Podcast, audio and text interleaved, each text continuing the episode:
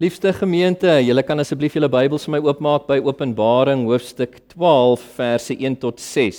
Openbaring 12 1 tot 6. Ons gaan aan met ons studie deur die boek van Openbaring. Die tema van Openbaring 12, hierdie nuwe visioen wat 'n nuwe parallelle siklus van visioene begin, is Satan se veldtog, Satan se vyhandige gesindheid teen die Here Jesus Christus. Nou julle sal onthou, ek het laasweek 'n bietjie uh, gesels oor wie is Satan sodat ons te wete kan kom wat is sy agtergrond, wat is sy aard, wat is sy agenda ensovoorts. En uh, ons gaan vandag nou so 'n bietjie in die teks indelf. Hier in Openbaring 12 sien ons Satan se veldtog, Satan se vyandigheid teen Jesus deur drie beelde. Die eerste beeld is in verse 1 tot 6 wat Satan se veldtog teen Jesus se koms in hierdie wêreld in aanbetref. Nie sy wederkoms nie, sy eerste koms. Dan die tweede simboliese beeld is in verse 7 tot 12 waar ons iets leer oor Satan se veldtog teen Jesus se kruiswerk.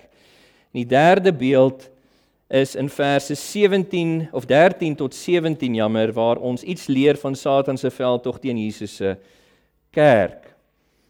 Nou, ons gaan vandag 'n begin maak. Ek moet vanuit die staanspoor vir julle sê gemeente, hierdie teks is ontsaglik ryk aan waarheid. Ek het met die Here geworstel hierdie week. Wat moet ek sê, wat moet ek nie sê nie?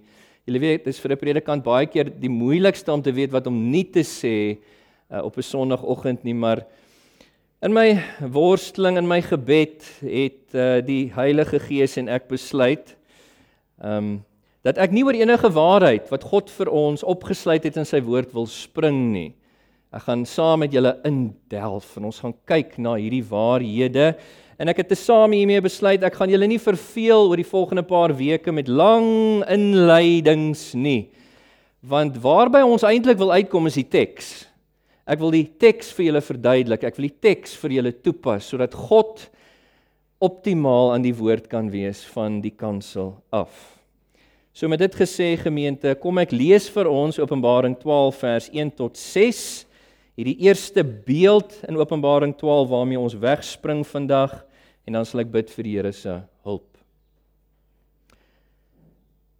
Die geïnspireerde woord van die Here sê vir ons: "Toe het daar 'n indrukwekkende teken in die hemel verskyn, naamlik 'n vrou 'n vrou bekleë met die son, met die maan onder haar voete en op haar kop 'n kroon van 12 sterre.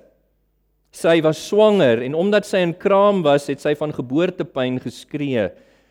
En 'n ander teken het in die hemel verskyn, naamlik kyk, daar was 'n groot vuurrooi draak met sewe koppe en 10 horings en op sy koppe sewe krones.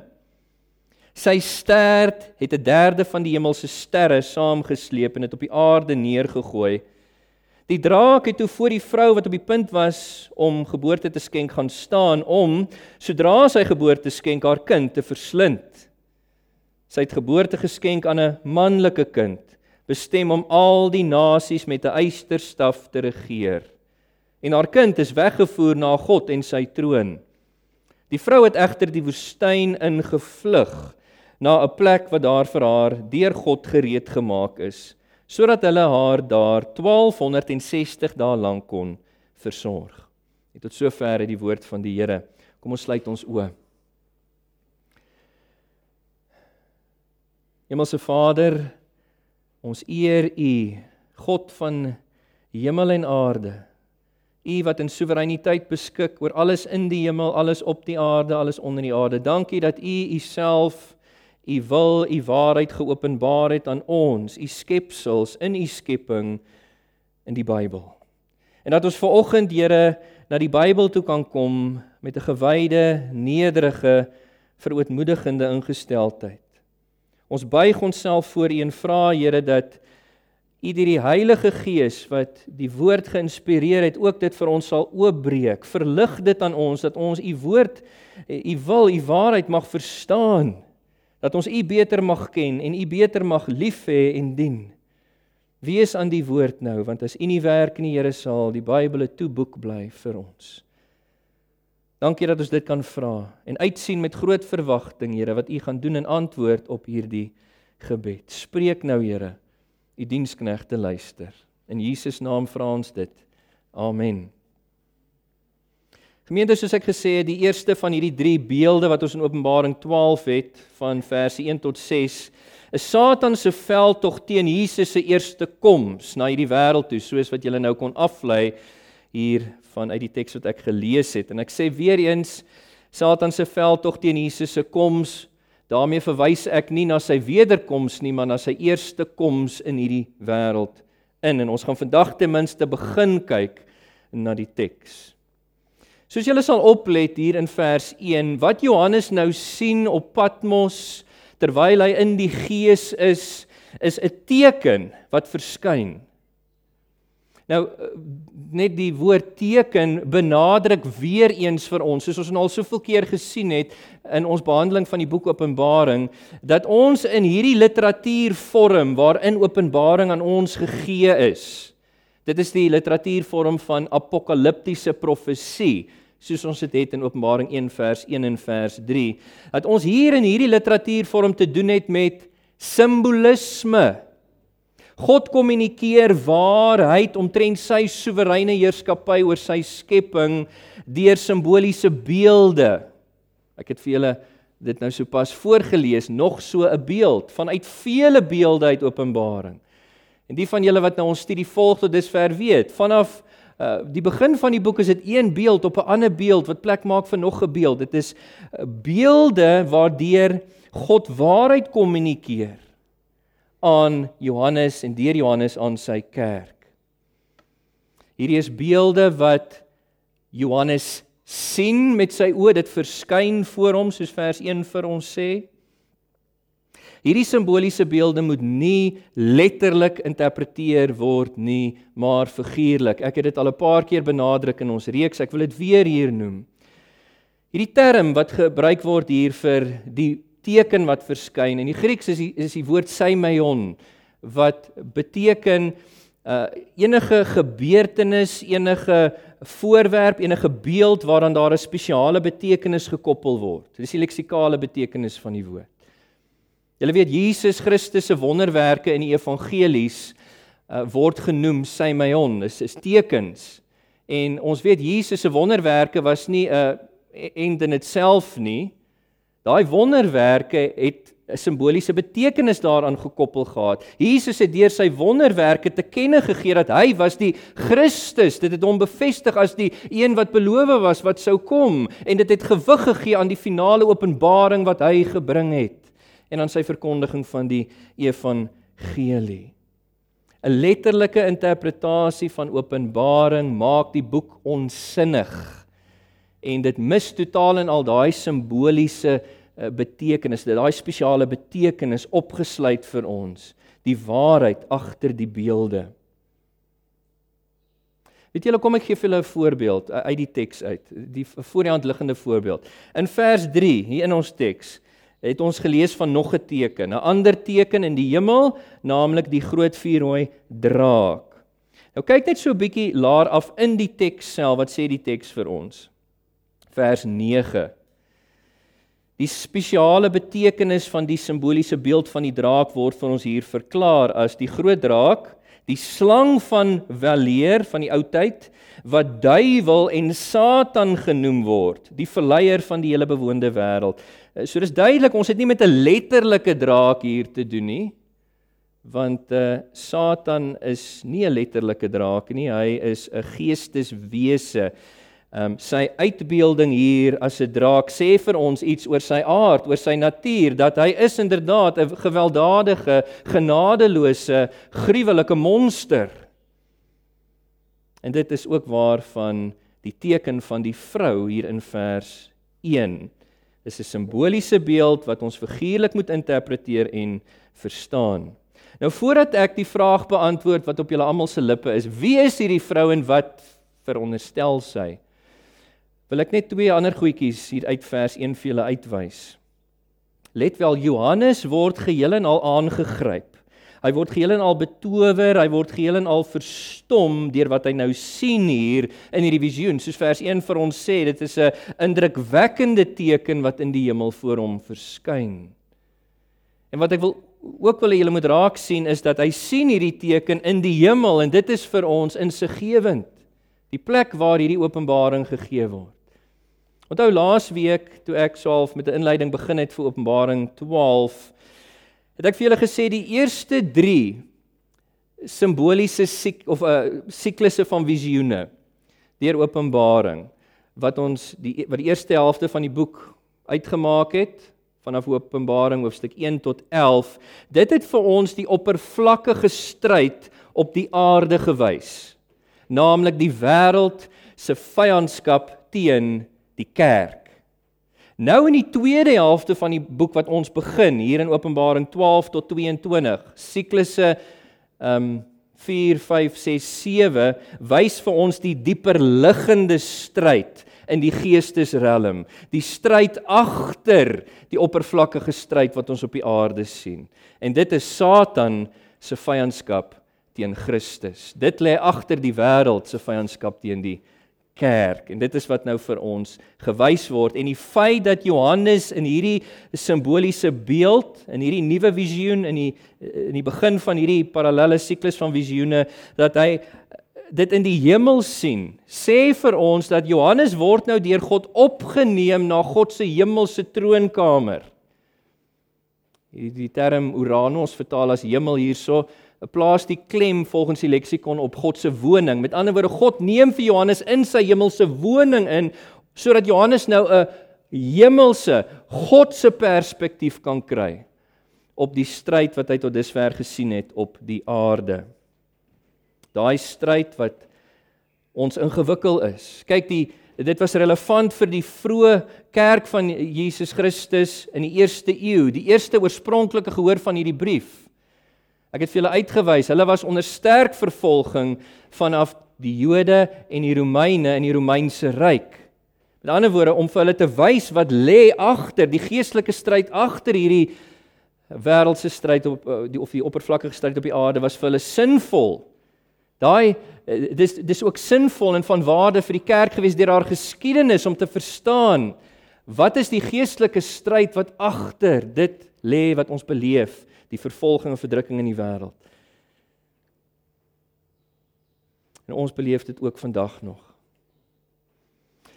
Met dit dan die vraag: Wie is hierdie vrou wat ons sien in die begin van Openbaring 12? Wat simboliseer sy? Geliefdes, sy veronderstel die kerk van ons Here Jesus Christus in haar Ou Testament vorm of samestelling onder die ou verbond naamlik die uitverkorenes te midde die volk Israel. Kyk, ek Israel word dikwels na verwys in die Ou Testament as die vrou van God en sy word ook na verwys as die moeder van Ou Testament gelowiges. Jesaja 50 vers 1, Jesaja 54 vers 1, Hosea 2 vers 1 en so kan ons aangaan. En meer spesifiek, die konnektasie van hierdie vrou in hierdie beeld met die son, die maan en die sterre. Uh, dit bevestig vir ons sonder twyfel dat ons hier te doen het met die kerk in haar Ou Testament vorm. Dis waarskynlik 'n terugblik op die droom van Josef waarvan ons lees in Genesis 37 vers 5 tot 11 waar Josef sy pa Jakob sien. Julle sal onthou Jakob wat uiteindelik Israel vernoem was. Hy wat die pa was van die 12 stamvaders van die volk. Josef het hom in die droom gesien as die son. Josef het sy sy ma gesien as die maan. Josef het sy broers gesien as die sterre van die hemel. En Johannes eh, trek waarskynlik terug na daai beeld toe wanneer hy hier die kerk in haar Ou Testament vorm uit beeld as 'n vrou beklee met die son, met die maan onder haar voete en 'n kop met 12 sterre op haar hoof. Sy, hierdie vrou, die kerk van die Ou Testament of Israel onder die Ou Verbond, sy was nie slegs die moeder van Ou Testament gelowiges nie, soos die woord vir ons leer. Sy was ook die moeder van die Christus. En dis wat vir ons uitgebeeld word in hierdie eerste beeld. In Romeine 9 vers 5 Paulus in die konteks hier praat van die voorregte wat Israel van ouds gehad het onder die ou verbond. Hulle is Israeliete en hulle behoort die aanneming tot kinders, die heerlikheid, die verbonde, die wetgewing, al daai dinge aan hulle behoort die voorvaders en let op hy sê uit hulle het ook die Christus as mens gekom. Hy wat God bo alles is lofwaardig vir ewig.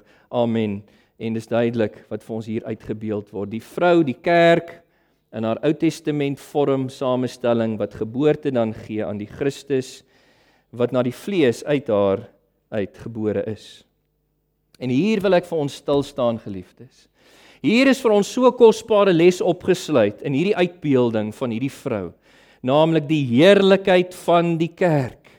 Hierdie simboliese beeld beskryf hierdie vrou as bekleed met die son, die maan, die sterre. Is dit nie besonders nie? Die sigbare kerk, dit wat ons met ons oë sien op aarde, ongeag ehm um, of dit nou die kerk in haar Ou Testament vorm was, uitverkorenes uit die volk Israel, ongeag of dit die kerk in haar Nuwe Testament vorm is, die uitverkorenes uit al die bevolkingsgroepe van die wêreld, Die kerk sigbaar lyk dikwels nie vir ons na veel nie. Né? En dink bietjie aan wat Paulus sê wanneer hy skryf vir die kerk in Korinte. Hy sê let op julleself broers. Julle is nie baie wyses nie. Julle is nie baie sterkes of invloedrykes nie. Julle is nie baie adellikes nie van adelike afkoms nie. Tog, gemeente, hoor my mooi, die kerk is een van slegs twee instellings of institusies wat God aan die mensdom gegee het en daarmee bedoel ek nie die instellings wat hy aan die kerk gegee het die ordonnansies van die Christelike doop en nagmaal nie ek bedoel God het aan die mensdom twee instellings gegee naamlik die huwelik en die kerk en die satan is konstant besig om hierdie twee instellings of institusies aan te val om dit te diskrediteer in ons denke om dit te verkleineer in ons denke, maar net soos met die huwelik mag jy en ek nooit maar nooit maar nooit 'n la, 'n onwaardige beskouing van die kerk aanneem nie. Hoekom nie? Geliefdes, want God het 'n hoë siening van die kerk. Let op in die teks hoe die hemele haar beskou. Hierdie vrou is bekleed met die son wat iets sê van haar glorie in die oë van die Here. Onthou Johannes ontvang 'n hemelse perspektief op die kerk. Wat iets sê van haar glorie, die majesteit wat God aan haar koppel, die waardigheid van die kerk in Jesus Christus. Sy is gewas in die bloed van die lam. Sy is bekleed met Christus se vlekkelose geregtigheid. Sy word inwoon deur die Heilige Gees. Die beeld van God word konstant in haar herstel op die pad van heiligmaking. Ek meen Efesiërs 5 vers 26 en 27 sê dit so mooi van die kerk. Christus wat hom vir haar oorgegee het. Dan sê hy sodat hy haar kon heilig deurdat hy haar gereinig het deur die was met water en die woord. Dit het hy gedoen sodat hy vir homself die kerk in heerlikheid daar kon stel sonder vlek of rimpel of enigiets dergeliks, heilig en sonder smet in God se oë. Sy's pragtig vir die Here. Sy is Christus se beeldskone bruid. Sy is heerlik. Hierdie vrou is nie net bekleed in die son wat iets sê van die glorie van die kerk nie. Sy het ook die maan onder haar voete wat vir ons iets sê dat die kerk tans saam met Christus regeer.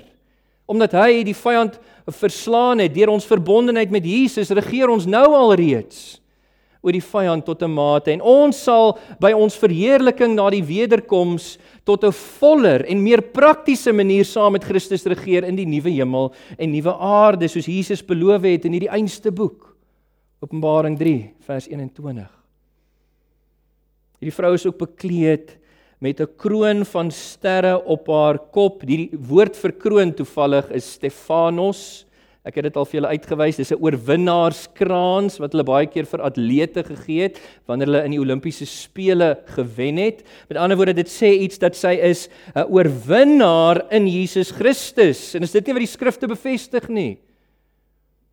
Ons is meer as oorwinnaars deur Jesus. En dit is ook die tema van hierdie einste boek, die primêre tema. Blaai gou drie bladsytjies aan saam met my. Openbaring 17 vers 14. Openbaring 17 vers 14 sê hulle sal teen die lam, dit is Christus, nie 'n letterlike lam nie. Christus oorlog voer, maar die lam sal hulle oorwin omdat hy die heerser van die heersers, die koning van die konings is en saam met hom is die geroepenes, die uitverkorenes, die getroues, dit is die kerk. Ons is meer as oorwinnaars in Christus weens sy oorwinning waarin ons vas staan met die hulp van die Heilige Gees en daarom is hierdie vrou ook bekleed met 'n kroon van sterre 'n oorwinnaarskrans die kerk in heerlikheid. Gemeente ek wil ek wil nog meer klem plaas hierso. Met betrekking tot God se werking op aarde in Jesus Christus deur die Heilige Gees is die kerk sentraal. Dink met dink byvoorbeeld aan Jesus se belofte aan sy disippels. In die konteks toe hy met hulle gepraat het oor sy verlossingswerk, toe hy dit eh, aangekondig het dat hy sou sterf aan die hande van die godsdienstige leiers van die volk, het hy hierdie woorde gesê: Ek sal my kerk, die eklesia, die uitgeroepenes, sy geloofsgemeenskap sal hy bou en die poorte van die doderyk sal daarteen nie staande bly nie. Wat is die doel? Wat van Christus se koms in hierdie wêreld in? Van sy verlossingswerk die kerk, die kerk. Dit is wat hy beloof het. Hy sal sy kerk bou na Jesus se suksesvolle verlossingswerk. Dit wil sê nadat hy gesterf het aan die kruis, begrawe is, na sy opstanding, na sy hemelvaart toe, God die Vader en God die Seun die Heilige Gees uitstort. Wat was die eerste ding wat God gedoen het in hierdie wêreld? Die geboorte, die insepsie van die kerk onder die nuwe verbond in Jerusalem. 3000 het tot inkeer gekom deur die prediking van die evangelie. Hulle is daai dag gedoop en deur die doop van gelowiges toegevoeg, sê Handelinge 2:41 tot die kerk, die lidmaatskap van daai geloofsgemeenskap. En Handelinge is dan vir ons die verhaal van hoe die kerk deur die apostolse bediening en die Heilige Gees se werking gegroei het Dink maar aan hoe die gemeente in Antiochië vir Paulus en Barnabas afgevaardig het deur vas en gebed en hulle gestuur het op hulle sendingreise. En daar was kerke geplant uit die kerk uit wat deur die apostel Paulus en ander bedien was.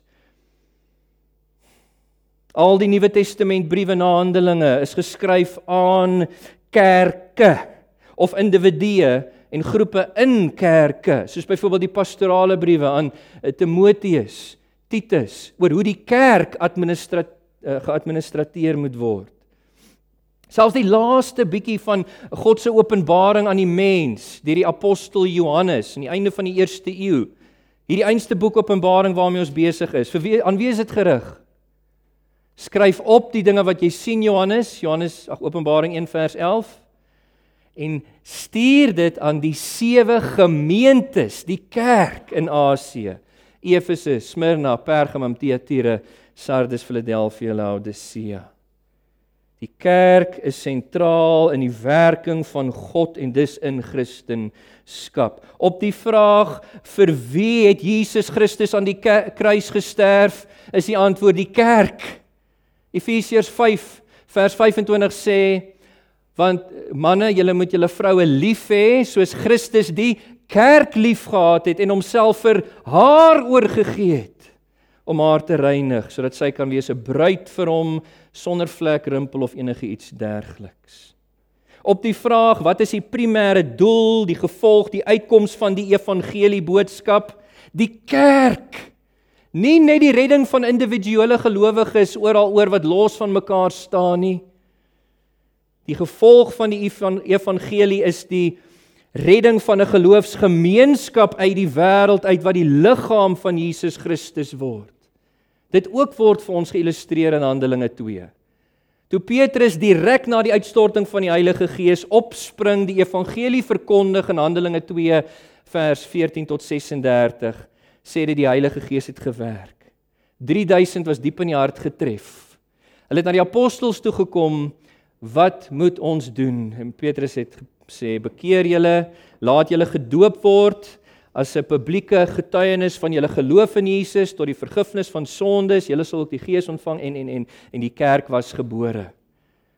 Daai groep was gedoop en toegevoeg tot die eerste geloofsgemeenskap. Op die vraag wat is die koninkryk van God? Die kerk. Geliefdes, die definisie van koninkryk is dit is 'n ryk waaroor 'n koning regeer. Wat is die ryk waaroor Christus regeer? Efesiërs 1 vers 22 en 23 sê dit eintlik vir ons so mooi. Paulus sê hierso: God het alles onder Christus se voete gestel en hom aan die kerk gegee as hoof oor alles sodat die volheid van hom alles en almal kon vervul. Met dit alles gesê, geliefdes, enige een wie in sy beskouing van God se werking in hierdie wêreld en wat in sy beskouing van Christendom oor die algemeen nie die kerk as sentraal ag soos die Nuwe Testament dit doen nie, het 'n baie verarmde en ook 'n onbybelse beskouing van God se werking en Christendom.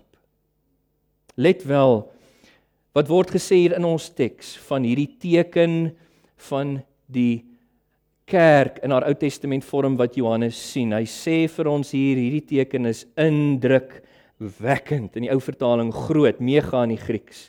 Indrukwekkend.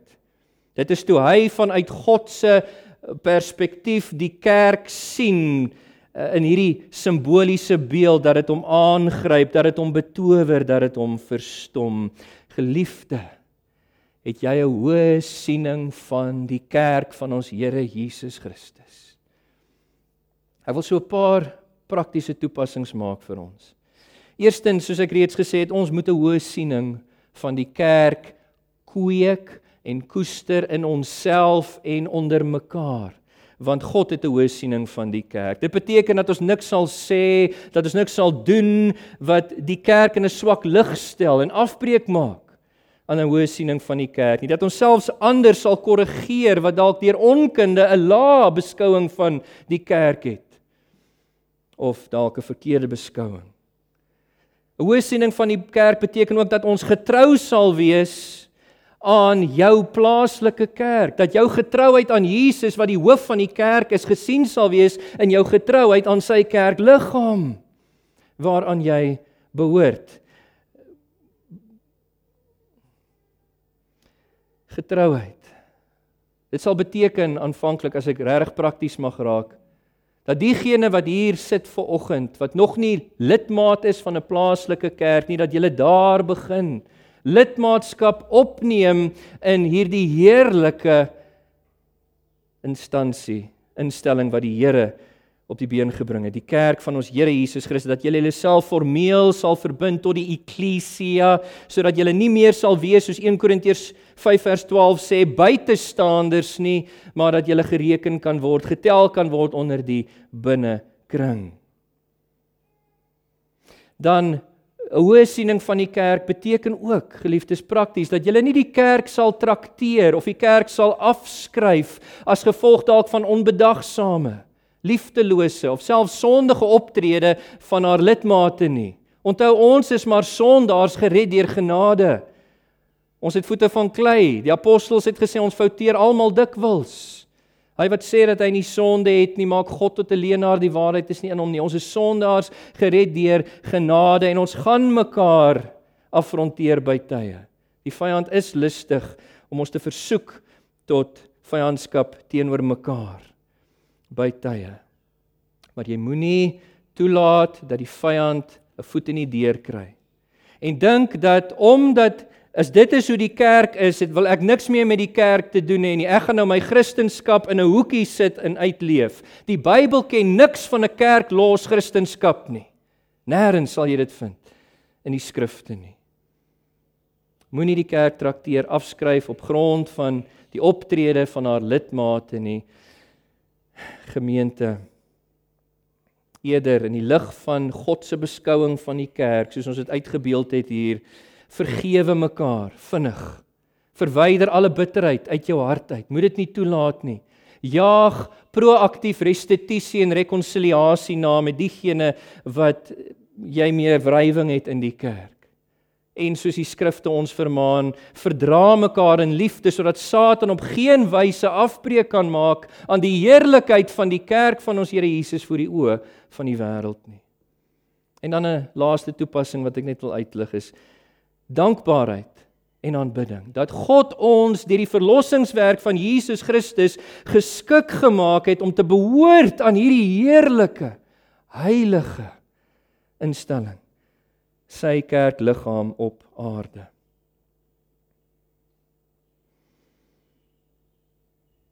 Ag as ek nog 'n toepassing mag maak geliefdes, ons getrouheid aan die kerk wys ook in ons betrokkenheid.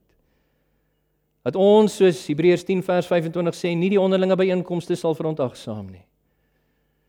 En eh, dat ons sal bywoon ter wille van groei, ons eie persoonlike geestelike groei deur disippelskap en ook dat ons die geestelike gawes wat God ons gegee het sal gebruik proaktief as lidmate van die plaaslike kerk om die kerk te bedien vir haar eie geestelike welstand, haar eie opbou soos 1 Korintiërs 12 vers 7 14 vers 12 vir ons sê. 'n Laaste woord aan enige iemand wat ver oggend hier sit wat nog nie tot geloof in Jesus gekom het nie. Wat hier sit en jy weet jou saak met die Here is nie reg nie. Ek wil jou herinner dat as jy nog nie tot bekering gekom het van jou sonde nie, nog nie Jesus aangeneem het as jou verlosser van sonde, die Here van jou lewe nie, eh, deur geloof nie, dan sê die Bybel, staan jy nog onder die veroordeling van God en sal jy verdoem word deur hom op die laaste oordeelsdag tot 'n ewigheid van bewuste pyniging in die vure van die hel. Daarom wil ek jou uitnooi vanoggend, slaan ag op die roepstem van Jesus in jou hart. Dis die Gees wat jou trek. Kom na Jesus toe. Kom tot bekering van jou sondes, glo in Jesus se verlossingswerk sodat jy ook deur hom, deur sy bloed se reiniging en deur toegerekende geregtigheid vanaf hom geskik gemaak kan word om te behoort aan hierdie heerlike kerk van ons Here Jesus Christus dat jy deel kan wees van hierdie vrou bekleed met die son, die maan onder haar voete en die kroon van sterre op haar kop. Amen. Kom ons sluit ons oë. Hemelse Vader, ons dankie vir die woord. En alhoewel ons vandag net 'n begin gemaak het aan hierdie eerste beeld, is hierdie waarheid so belangrik. In die wêreld rondom ons, Here, is daar so 'n afwatering van die kerk op grond van persoonlike belewenisse uit die verlede en valse lering, dwaalleraars wat die skrifte nie ken nie, wat uh, die kerk verkleineer en diskrediteer in mense se gedagtes. Help ons om 'n Bybelse begrip en beskouing te hê van die sentraliteit van u kerk en u werking op aarde en in ons eie kristendom. Help ons Here om dit uit te leef in die praktyk deur betrokkenheid by die geestelike familie, die plaaslike kerk waar ons behoort, dat ons ons gawes daar sal gebruik om te dien ter wille van die opbou van hierdie heerlike liggaam. Help ons om nooit die kerk te trakteer of af te skryf deur onaangename belewennisse in die kerk nie, Here. Help ons om altyd dankbaar te wees en U altyd te aanbid dat U ons deur Christus se verlossingswerk geskik gemaak het om te behoort aan so 'n besonderse bruid, die bruid van Christus, die appel van U oog. Ons eer U daarvoor. En as daar enige iemand hier is vanmôre, Here, wat U nog nie ken as verlosser en Here nie, skenk U U wedergeboorte aan daardie persoon. Trek hulle deur die evangelie maak hulle ongemaklik in hulle situasie totdat hulle tot bekering kom en geloof plaas in Christus Jesus om sodoende gered te raak van u komende oordeel oor sonde om versoen te raak met u vergewe en verlos van sonde Here en ook te behoort aan hierdie heerlike bruid. Here wanneer ons hierdie diens afsluit wees u ook verheerlik daarin en seën ook ons same sy na die tyd. Dit bid ons in Jesus se naam. Amen